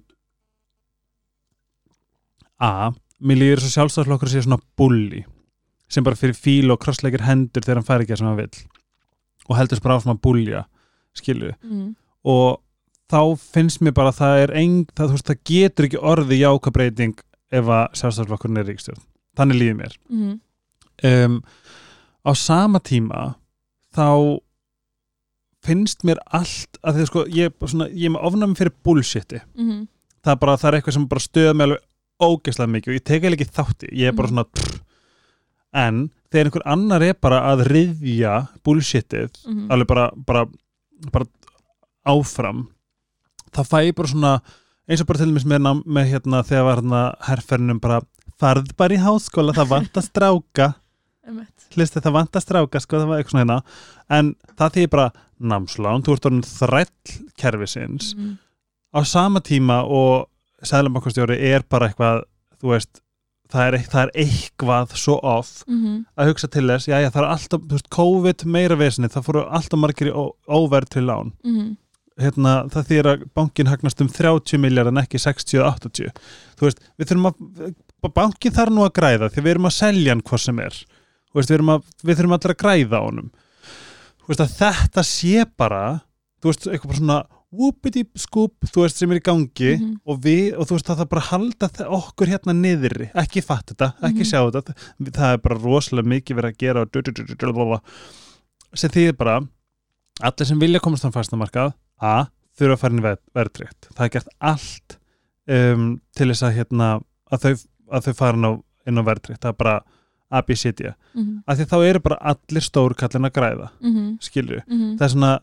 sem sem það það það mér finnst líka ókslega erfitt að hugsa þú veist, eins og þess að þú segir ég breyti sinni, tæki, þú veist það bara þá vera jafningagrundullur Mhm, en svo er bara þetta app, mhm, bara þessi myrkri Voldemort á móti Hogwarts öflin aha, sem eru bara þú veist, það er í rauninni það er alltaf að vera að segja að það er svo mikil tækifæri, við erum að gera besta fyrir ykkur en svo sér maður svo skýrt það er bara ekki satt Ég held að það sem kannski þú ert að koma svolítið inn á er, ég menna, ok, herfer, ég held að þessi herfer hafi skilað kannski einhverjum aðeins, einhverjum aðeinsaukningu af strákum sem fór í háskóla en það sem grunnurinn er er náttúrulega bara efnahags ástandið og hvernig bara sér fólk sér fært fjárhagslega mm -hmm. meðal annars, þú veist, að menta sig, skilur Mm og hérna, og þar er bara eins og þú komst inn á þú veist, verðbólgan bara huge faktor, skilur og ég menna, og hérna, auðvitað bara hvernig námslánakerfið er uppbyggt, eh, hvernig framfæslan er uh, sem það er að hækka.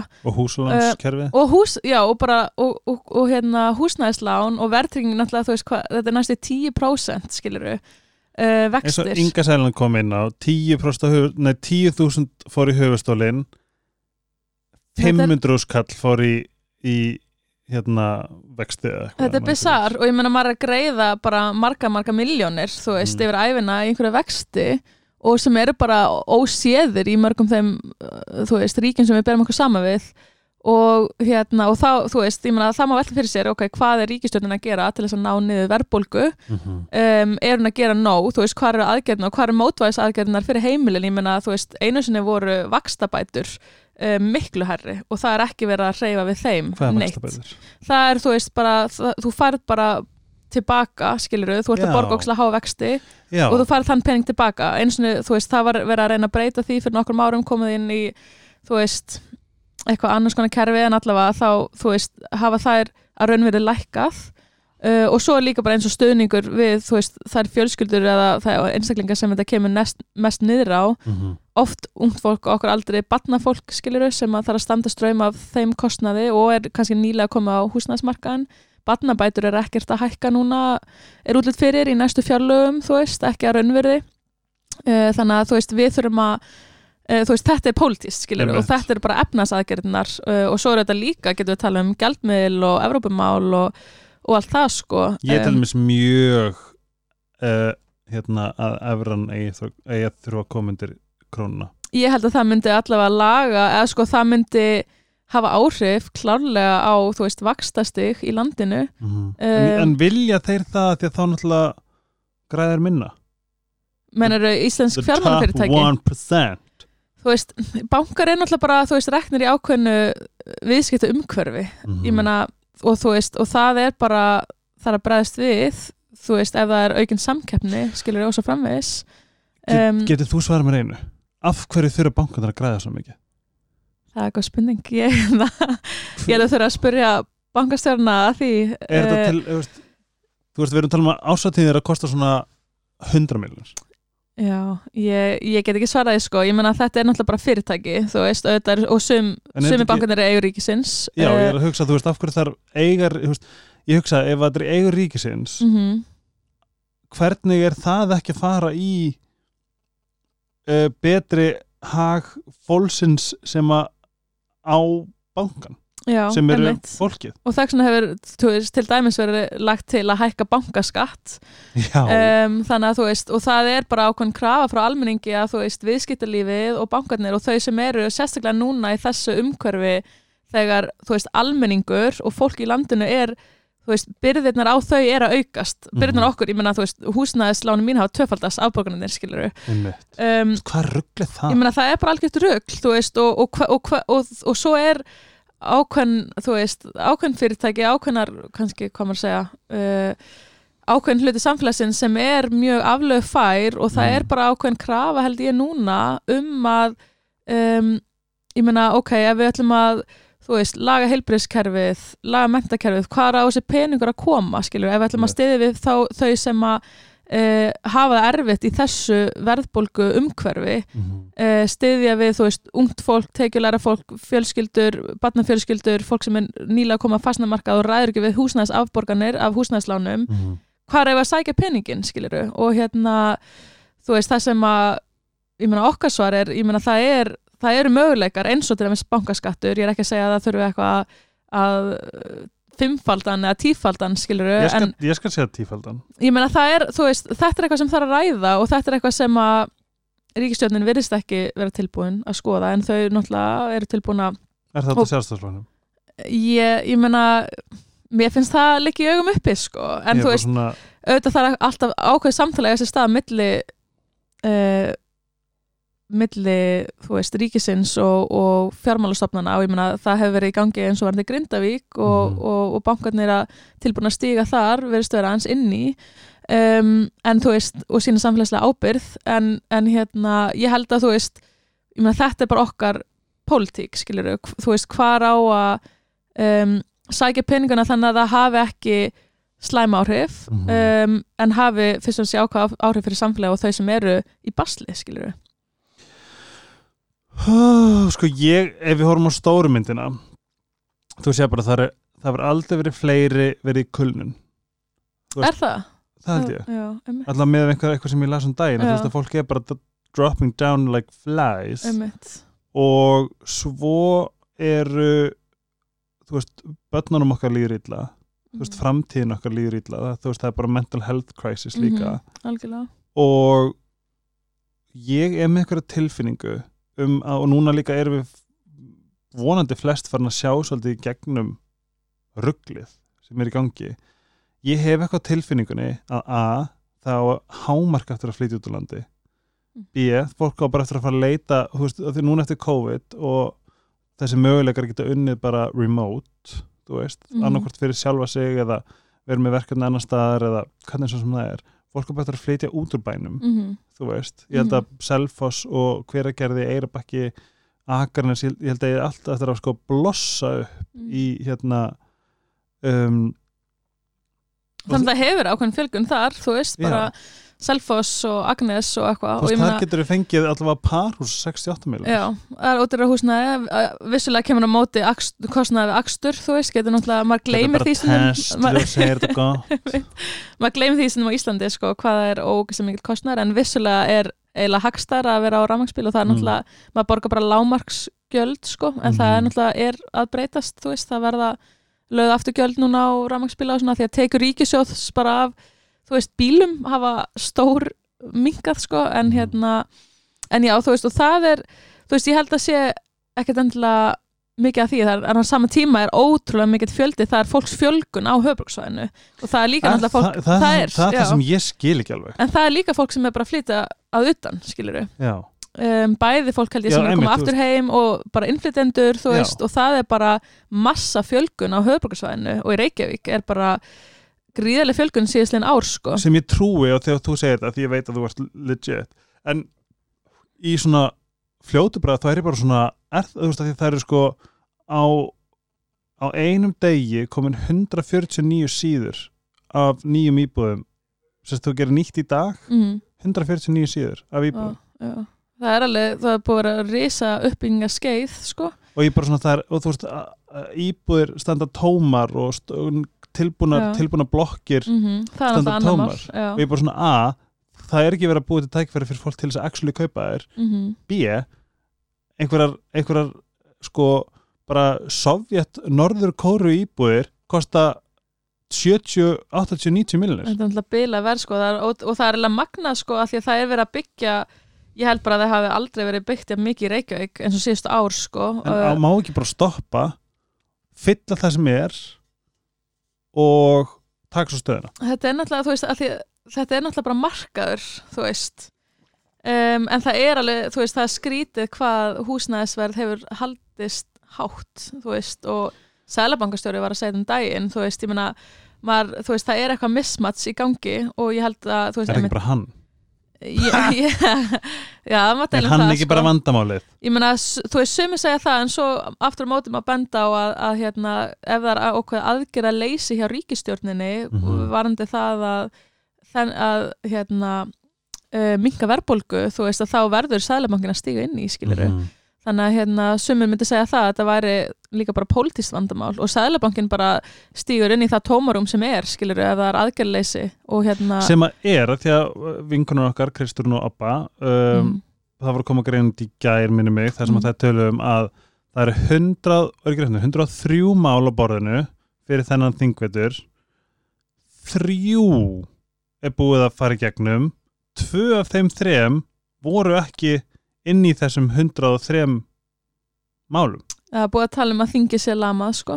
Og hérna og ég held að ég get alveg tekið undir það sko. Og hérna ég upplifði það pínu líka þegar ég var á þingi sko að, að hérna voru bara fólk að bóra nefið og nei þú veist það bara, voru bara ekki n- að nóga mikið málum sem að hérna er að fara í gegn og er fyrir séð að að klárist þessum þingvetri. Og það er það sem þær voru að segja skilur að bara, ég meina það sem þær voru að segja um, um daginn í sér frétt, þú veist, er að það er bara óeining innan ríkistjórnarinnar um hvaða máli að fram að ganga Mhm. skilur, að ná fram að ganga þannig að Uh, og það er þetta bara mjög slæmt Einmitt. fyrir Ísland, þú veist, ef að ríkistjórnum getur ekki komið sér saman um þau verkefni sem þarf að ráðast í núna er það ekki að því að sjálf, sjálfstæðisflokkurinn er bara með krosslegar hendur, nei ég meina það er góð spurningi, held maður að vera að spyrja þau að því sko, að ég meina þeir fá ekki að koma í podcastið Nei, en ég meina þau eru bara, þú veist, þetta er bara mjög ólík pólitík Mhm. og hérna sem myndi segja að þú veist COVID hafi verið, ég meina það sem að þessi ríkisjón hefur gert uh, að miklu liti vel held ég er þú veist að bregðast við þegar það er eitthvað krísa skilir Mhm. og, það, og fara einhver aðgerð sem eiginlega allir eru sammálum sko, en svo maður ekki heldur gleyma gaggrina og allt það mm en hérna, þú veist, ef það er einhverjur, ég meina, smittsjúkdómur, náttúruhamfarir, en svo inn á milli, þú veist, eh, og bara sérstaklega vandi efnarsástandið, þá er maður bara, hvar eru, hvar eru aðgerðnar, skilur Já. Þannig að hérna, það er auðvitað bara mjög slæmt, sko, og ég vildi, myndi náttúrulega vilja sjá allt aðra ríkistjórn, heldur en það svo sem er núna. hvað verður svona ídíal ríkistjórn fyrir þér? Man, nú má ekki úttala sig um það, en Er það þú veist, ég skal byrja þetta, já, þú mátt byrja Nei, ég held sko, þú veist, au- augljóslega ég er náttúrulega flokksbundin, skilur Mhm. þú veist alveg hvað ég er að fara að segja, augljóslega á samfélgina verið í ríkistjórn Já. og hérna, ég held bara en væri að það ef að og viðreist væri bara ég sé, þú veist, máli bara, ég sé bara fyrir mér Kristun og Oppu, ég myndi að þær stjórnið bara Íslandi Einmitt. Ég meina, ég held að, þú veist, samfélginu og viðreysna er mjög margt sammeilagt, sko. Mhm. Uh, viðreysna er náttúrulega lengur til hægri heldur en samfélgin, en það er mörg mál sem að ég held að við, þú veist, þessi tveir flokkar geta komið sér saman um. e, sko, eins og ég tólka viðreist, þú veist mér finnst hún vera svona mannlega til hægri þú veist, mér líður svo hún ta, eða, þetta er bara mín upplifin, að hún taki alla, en samt, þú veist, er hún um, hérna, þú veist en kannski er, kannski, veist, kannski er hún svona, þú veist, mér finnst hún vera svona human Já, Hægri. einmitt, einmitt. Ég Held, og þau eru með kannski aðeins meira fókus á eins og mannindamál og svona held ég sko heldur en um, svona flestir eða svona hinnir hægri flokkarnir en hvað finnst þér um hérna fólk, flokk fólk, flokk, flokk fólksins fólk, Herri, ég á fólksins. mjög góða vini innan flokk fólksins Mhm. uh, ég held að sko að þú veist, við erum held ég bara kannski ósamála um uh, aðferðnar sem á að nýta þú Mhm. veist, í uh, miklu leiti eru þau með miklu rótækari tillögur oft heldur en samfélkingin Mhm. um, eins og í efnaðsmálum og svona en ég held að við séum bara, eða þú veist, samfélgin er bara að mínu mati, auðvitað með þú veist, mjög svona raunsæja sín á það eins og við erum að tala um, þú veist, hvert á að sækja peningana og gera það skynsalega hátt þannig að Mhm. við getum byggt inn upp samfélag sem, þú veist, hefur þessi gildi, skilur, jöfntækifæri og svo framvegis og, og hérna að bara, þú veist, þau sem eins og ég segi, er í basli, uh, eigi öðaldra með lífið, sko. Mhm. um, ég gleym allt, allt sem að er að baki. Eins og ég sagði við oppi þegar hún væri hérna það er bara, ég var bara til í að það væri bara á daginn bara, já, herriður, nú er að fara þessu 103 mál, hér er málið ítt á græna rauðataka og svo bara kjósa næsta, þú veist en svo náttúrulega er fullt af vinnu og bakvið Það er fullt á Hvert og bakvið og, og eins og ég segi, samningavirðar og þú veist, það er náttúrulega bara skiptur höfum máli hvað líka ríkistöndin ákveður sko, það er Mhm. bara þannig, þú veist, þau eru með meilit og þingi og hérna þau svolítið eru með dagskrávaldi og setja bara, setja þau, það? já, ég meina þau, se- þau veist, þau mál sem að þau eru fylgjandi yfirleitt komist í gegn, skilur við, ekki alltaf, vinstri grænir og sjálfstæðsflokkin já og framsókn, þau eru náttúrulega þrjú, þrjú flokkar. um, segðu mér En það er náttúrulega svo hlut að vera í minni hluta eða stjórnarnanstöðu líka að semja við sama hvaða flokkar það eru, skilur um Mhm. mikilvæg ákvæmna mála og ég meina samfylkingin hefur haft bara mál sem að hafa ratað, þú veist, á borð ríkistjórnarinnar og þau hafa tekið upp tillögur frá okkur, skilur, og það er náttúrulega hlut að ég vera í, í minni hluta. En já, fyrir ekki, ég ætla ekki að tröfla þig, ég sorry. alltaf ekkert hvað ég var að fara að segja Heyrðu, Mér- en ég ætla að segja hvað ég er rísandi. Ég Er það að- komið? Já, það er komið. Sko, ég er rísandi krabbi ok, og tungl tungl í, eh, bómanni nei, vogin, Libra. Já. Meg, finnst það mega sens? ég, ég, ég, ég hugsaði bara, þú hlýtur að vera með eitthvað loft í þér týpur í vaspur og vog já, eru, það er er loft. loft. Já. ok, ég er En það er þetta geðveikt kombo Hvað er þú í rísandi? ég er hræðilegt, ég er týpur í vaspuri og bómaður, Bómar í hverju? rísanda Í rísanda. Þannig að það er svona það sem fólk sér þig sem. Jú, og bara ég er bara, ég bara tvöfall loft og eldur, ég er bara Ah. heitasta kaos fred í Malla vinkonum mín er mitt bómaður sem ég var að gera sátt á hann. elska bómaður Ykkur myndi hérna, koma vel saman. Ég fíla bara En okkur kemur líka.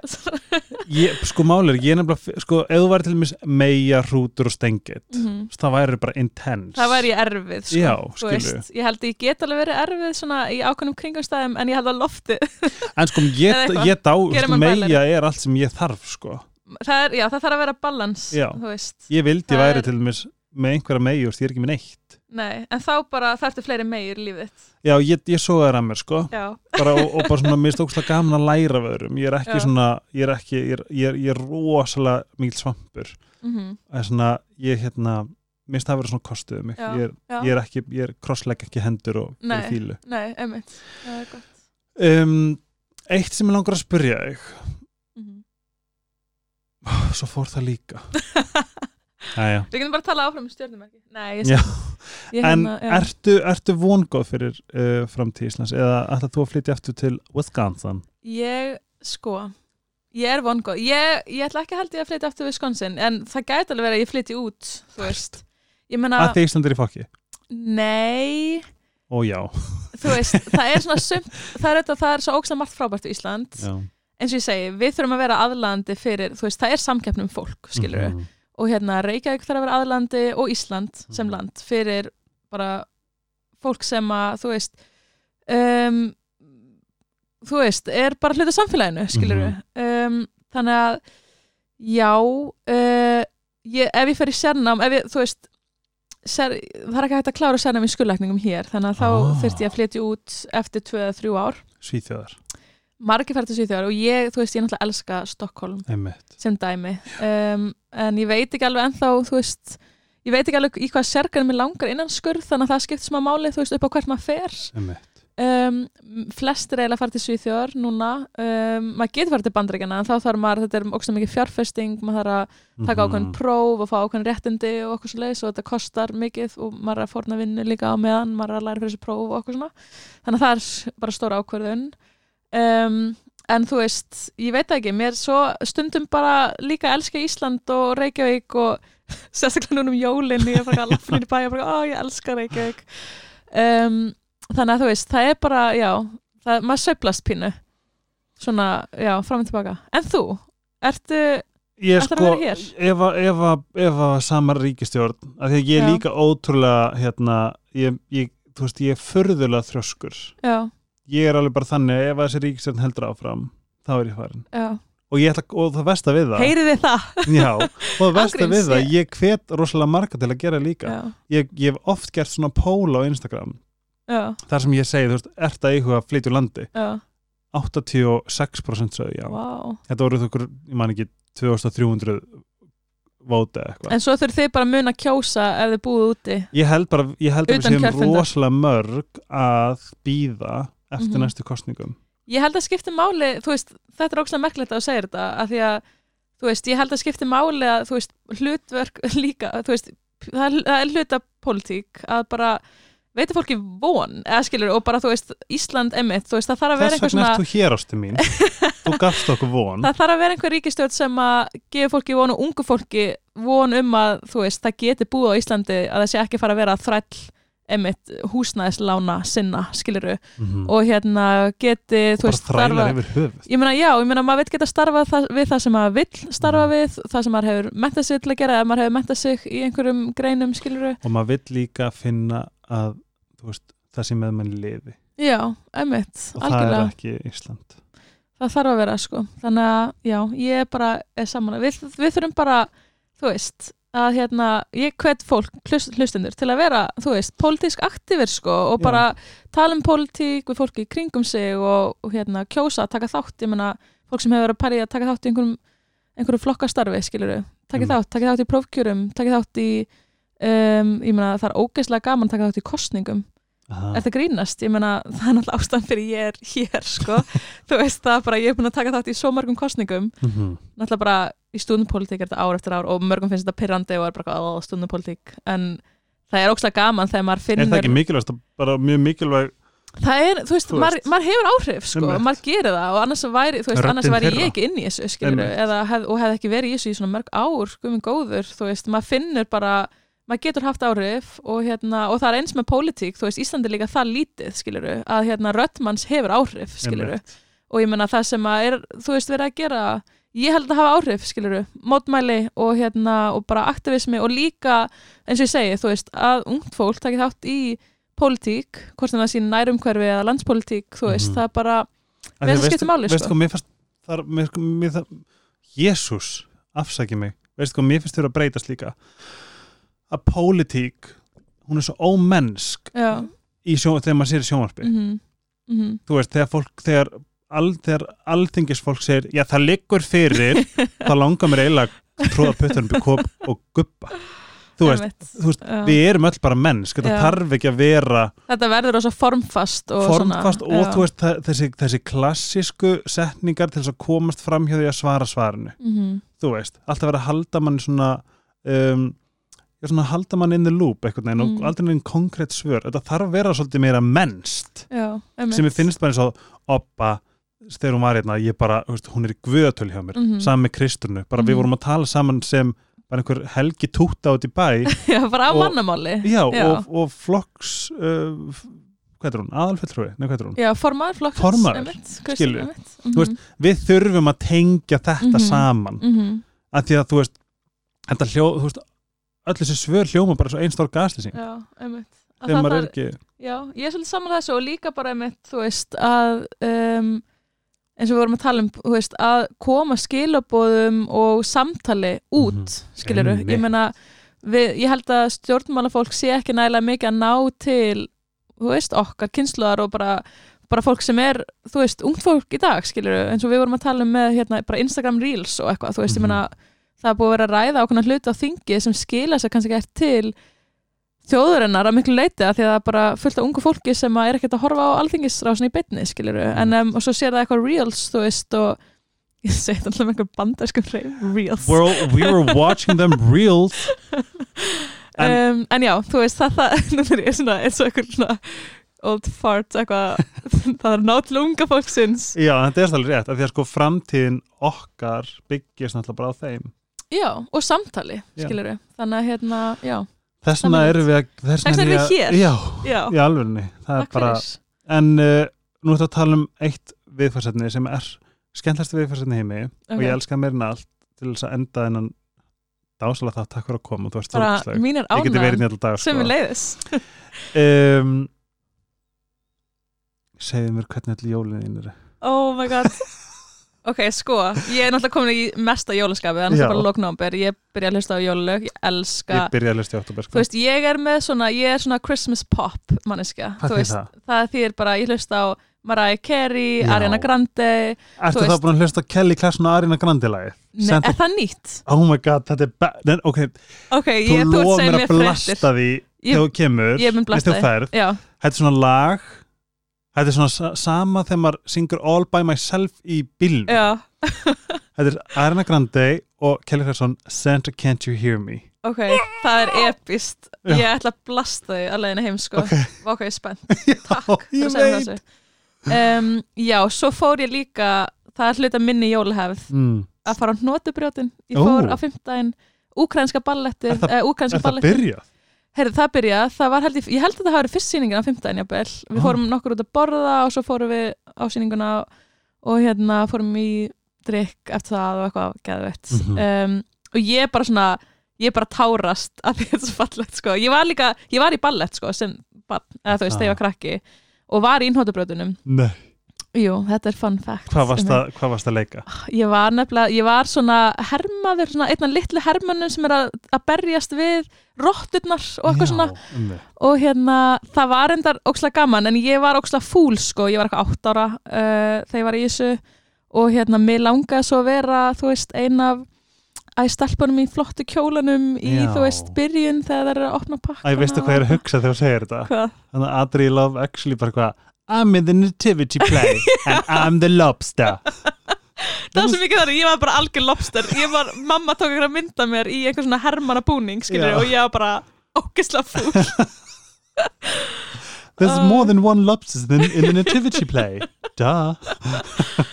Oh my god, ég var, já, mér fannst það náttúrulega smáglata, en mjög skemmtilegt að vera í svo, ég fæ bara svona nostalgíu þú veist, ég reyna, ég fari nokkuð sem áður á hnóttubrjótin mm.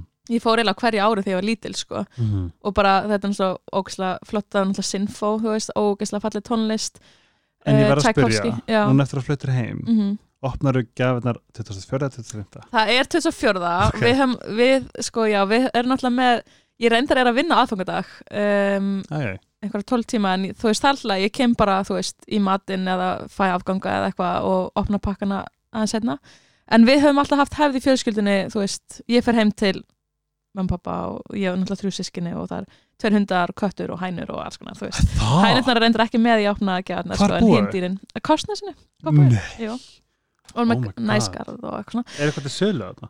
Uh, ég held mér lítið sko, lítið af þessum húsum því miður. Getur við please bara Karsnesi verður svona gett mikið svona hippa vibe og fullt af hænum og, Já, það er mjög margir með hænur á Kársnesi. Já, ég einmitt, mér langar sko. svoleiðis Já, það og er, bara gera gett sustainable housing og yogastudio og lítið, gym og eitthvað bara hljóma vel, hljóma Ok. mjög vel. Þú því Um, fyrir mig Ég græði það, já, það er næstið fyrir. Já. sko, já, en hérna, þannig að við opnum alltaf, þú veist, það er bara, veist, það er bara matur klukkan 6. mm Er þið góð, góð kirkju- sískinin? Já, við erum það sko. Ok. Uh, Sýsti mín endar, hún er flutt til Svíþjóðar núna, allavega flutt í haust, en er bara í skiptin á mig, þannig að ég held að hún, hún var eitthvað að reyna ákvæða sig hvort hún ætti að koma heim í jólun eða ekki, vondi, kemur hún. Um, og svo ég er tvo yngri bræður og hérna við erum alltaf mjög góða vinni sko. ég fer reglulega til þeirra uh, í mat og svona mm og hérna já, við erum Ertu með eitthvað amerist ennþá? uh, sko við höfum oft í gegnum tíðina höfum við opnað pakka 2015 líka Aha, en það já. er svona minni pakkar eitthvað svona, svona sokkum svona, sem hanga hvað er, hvað er bræðinu gamlir? Uh, sko það er fjör ára milli okkar allra fjögur að sískina Mm. allt mjög planað uh, sko þeir eru fættir 00 og 04 Já, ok, þeir eru er 06. fullarnir Já. Já. Þannig að hérna yngsti bróður minn er í tekniskólanum og næst yngsti bróður minn er í læktsvæði líka þannig að við erum við hittum stundum á spítalunum og já, það er stemming og hérna, og sýsti minn er uh, að læra úti, hún er í skiptinu á mig í dýra atvillisfræði í uh, dýra? dýra atvillisfræði, hún ætlar að vera hundaþjálfari sko. það er hennar, hún er, er hennar passion. Það hefur alltaf verið bara síðan hún var lítil sko, hún er bara, hún elskar dýr. Ó, ég var að segja við á hann, hún var alltaf að horfa Lion King að meðan ég var að horfa einhverjar prinsessimyndir múlan. Já, Múlan, Múlan sangafött en hérna, já, ameríst annars, þú veist, við höfum reyndar já, við heldum alltaf upp á Thanksgiving en það er ekki lengur sko. Mhm. um, náttúrulega má setja spurningamarki við þá hátíð svona in general en, Mjög sammála. Já, en góð matur. En hvað hva, hva borðið þið á afkvæmt? sko það er mjög misjætt pappi gerir eiginlega alltaf humarsúpu Ó, um, sem hefur reynst reyndar kannski smá erfitt svona síðustu ár uh, að fá humar eða eitthvað held Mhm. ég uh, og heima, heima bakað 13 skalla það er eitthvað bizarr sko, en uh, og heima bakað brauð líka. Mm. það er alltaf í forrétt. Svo er svona mismandi aðalrétt. Við erum eiginlega öll sko nokkur okkar eru græmitsætur og vegan. Mhm. það er alveg meilhluti í fjölskyldu fyrir því sko. Mm. það er held ég bara tvær kjötætur. Mhm. um, Það er bara svona mix já, svona, þetta er svona mix sko, Þetta er ekkert svona anal bara þetta verður að vera Nei, þú veist, yfirleitt, en ef, veist, ef þau, ef ég fyrir mati þeirra, þá er yfirleitt, skiluru, þú veist, oft er græmyndsúpa og þau Mhm. eru reynda með, hérna, uh, eru með, sagt, gróðurhús og svona. Uh, núna er mitt mamma að ringja, hana, ring, Þú mátt ekki setja hann á spíkar og við getum bara Rætt um græmyndis, Já, Nei, hérna, græmyndssæktuna. Já, þau eru, það er yfirleitt eitthvað svona græmyndis, sko. Um, en við höfum, það hefur alveg verið, þú veist, eitthvað kalkutn eða eitthvað stundum, en hérna, þú gerir svona undantekning. Já. Uh, en já, þannig að jólahefðin, þú veist, svo er ég með bara, ég veit ekki, line up af, þú veist, Jómann á sunnudaginn, það er ákveðin jólahefð á alla bíómyndunar sko ég er náttúrulega, Ertu búin að horfa á Jem til júl á Netflix? Já, er það að tala um, er það, Norska? já, ég er að horfa, auðvitað, ég horfi mjög lítið á sjóamp og Netflix almennt, bara svo, svo það en Í ég fyrra horfði ég á þetta fjóru sinni yfir jólin og ég er að spa spara þetta núna Já, ég, Þú verður að horfa þetta aftur aftur, já, ég er náttúrulega horfið alltaf á hverja ára á Love Actually. Það Ég er er að bara, ég er, þú veist, að þessu leiti er ég ógeðslega mikill kanni, sko. Ég er Já. bara, ég er svo ógeðslega mikill sökkar fyrir mm -hmm. svona jóla, rómó jólamyndir. Ég Bæður bara- það getum við tala um rósir sem við fengum að þegar við vorum að skipta um stúdíó Mhm. og samt bara, vá, við erum að lappinni stúdíó það er bara blómalikt og allt geggjalikt og við bara, Var það sagt? já, heyrðu það Það er ekki blómulegt okkur. Já, bara við vorum bara eins og bara eitthvað svona scent pillars of joy Ok, það er Center Pillars of Joy. Við, ég tek þetta með mér út það fyrir þessum ekki? þætti. Og, Og að blasta nýja Santa læginu. Can't You Hear Me Ég elska, já, Við ætlum að með Spotify símanum jú, og við ætlum að kveikja því, við ætlum að, við ætlum bara að kveðja ok. En Ragnar Sigurðardóttir á Instagram Ertu ekki með opið? Jú. Jú, ég er með opið. Ragnar Sigurdóttir, það er bara í einni runu, sko. Já, og hvar, hvar, á hvað spítala vinnur? Uh, ég er að vinna á landsbítalunum. Æði Sagður Santa Tell Me. Santa Can't You Hear Can't Me You Hear Me, já, það er nýja lagið. Uh, Og um, hérna ég þakka Sítokær Iceherbs Sleepy og uh, Netto mest í heimi Próstið í, settið í hérna, hérna, í haf, hana. Assa. Keep that silver bell Keep that Keep it hand to someone else Oh my god. Og svo, og svo sko í viðlæginu